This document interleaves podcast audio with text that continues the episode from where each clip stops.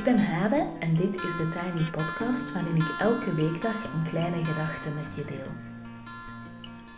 Vandaag is het vrijdag 3 juli 2020 en de kleine gedachte gaat over een eerste indruk. Ik neem jullie weer even mee in de tijd naar een periode waarin ik alleenstaande moeder was van mijn twee zonen. Ik werkte toen als onderwijsadviseur voor een organisatie en ik mocht gelukkig ook freelance schrijven voor Femma en Psychologisch magazine waarmee ik de eindjes aan elkaar knoopte. De column, die ik nu lees is gepubliceerd in Psychologisch magazine in mijn rubriek Moederbrein en de column heet 3 seconden.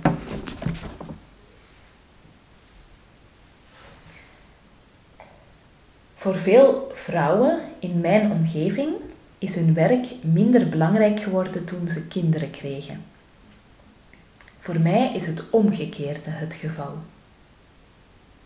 Bij elke school die ik binnenstap, bij elk gesprek dat ik voer, bij elk advies dat ik uitbreng, denk ik aan al die ouders die het meest kostbare in hun leven toevertrouwd hebben aan de verantwoordelijkheid van de man of vrouw die voor me zit.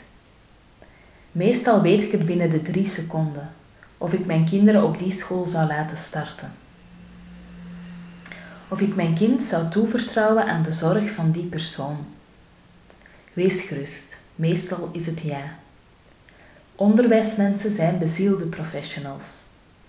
En als ik twijfel, ben ik gelukkig in de positie om samen met die persoon of organisatie een stap te zetten in de juiste richting. Daarom ben ik met mijn werk dus nog, daarom ben ik mijn werk, sorry, dus nog belangrijker gaan vinden dan dat ik het al vond. Ik zit daar namelijk niet meer als adviseur, maar ook als moeder. Door mijn werk ben ik me gaan realiseren dat mijn kinderen opgroeien in een fijne, veilige omgeving. Niet zelden kom ik in Rotterdam, ja hoor, ik ben een grensarbeider, op een school waar oudergesprekken standaard met een politieman in de kamer gevoerd worden. Laatst hoorde ik van een leerkracht die neergestoken was door een ouder in de metro. Ouders, je moet ze niet onderschatten. Niet zelden heb ik dus kippenvel op mijn werk. Gelukkig ook in de positieve zin, als ik een ruige getatoeëerde vader op een school voor buitengewoon onderwijs hoor vertellen wat het voor hem betekent dat zijn kind gekend wordt door iedereen op school. De tranen stonden nog eerder in mijn ogen dan in de zijne. Of als ik een leerkracht hoor vertellen dat ze dagelijks elk kind persoonlijk begroet en in de ogen kijkt. Laatst was ik op zoek naar een school voor mijn jongste zoontje die andere noden heeft dan mijn oudste. Ik zat dus zenuwachtig voor een aantal directeuren met mijn vragenlijstjes, aandachtspunten en criteria bij de hand. Meestal wist ik het binnen de drie seconden. Eén directeur antwoordde op een vraag van me dat hij niet op maat van kinderen werkt op school. Pardon? Eén directeur was de afspraak vergeten. De secretaresse besloot me een rondleiding te geven door de school, te beginnen bij het chaotische bureau van de afwezige directeur. Hm, misschien toch niet.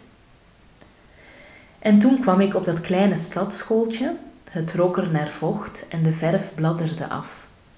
De buurman had schreeuwerige A4'tjes op zijn ramen met bedreigingen voor wie daar, perfect legaal, zou parkeren.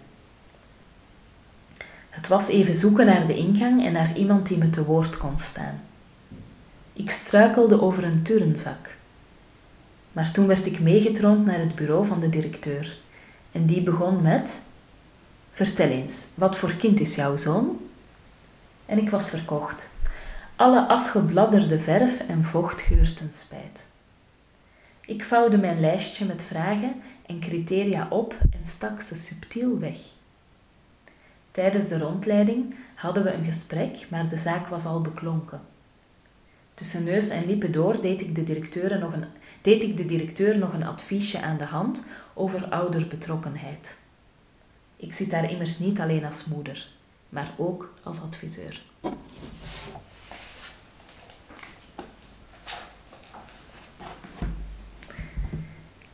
Zo, dat was een stukje over eh, hoe je op drie seconden tijd een eerste indruk kan krijgen. Ehm, ik vind het zelf heel grappig om terug te kijken naar hoe ik toen was. Het is best een tijd geleden dat dit. Uh, ja, is, het nummer waarin dit stond is verschenen in april 2016. Dus die column dateert van ehm, waarschijnlijk van uh, maart of februari 2016. En dat is alweer een behoorlijke tijd geleden. Um, en intussen ben ik ook erg gegroeid als uh, organisatieadviseur en ben ik mij onder andere gaan bijscholen tot Deep Democracy Facilitator, omdat ik um, ja, echt wou groeien in mijn rol en in hoe ik de wijsheid die binnen een organisatie zelf bestaat, hoe ik die meer kan um, activeren dan dat ik als een soort buitenstaander met mijn adviezen en mijn oplossingen kom.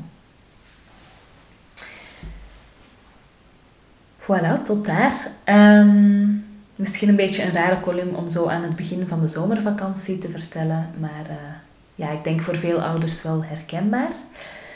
Um, ik wil jullie graag nog heel even verwijzen naar het zomeraanbod. Ik heb deze zomer drie cursussen lopen. Um, een cursus die gaat over zelf verhalen schrijven. Een cursus zomergedachten en een cursus uh, die gaat over um, ja, jezelf zomerprikkels toedienen en eigenlijk uh, dingen doen om het plezier van het doen en niet omwille van een bepaald resultaat halen. En die cursus is uh, het Grote Zomerboek. En bij elk van die drie cursussen die ik net noem, zit ook een fysiek boekje dat ik jou dan toestuur. En waar je lekker mee naar het strand kan of weet ik veel, op een leuke plek kan gaan zitten om te schrijven, te schrappen, te dromen, te tekenen.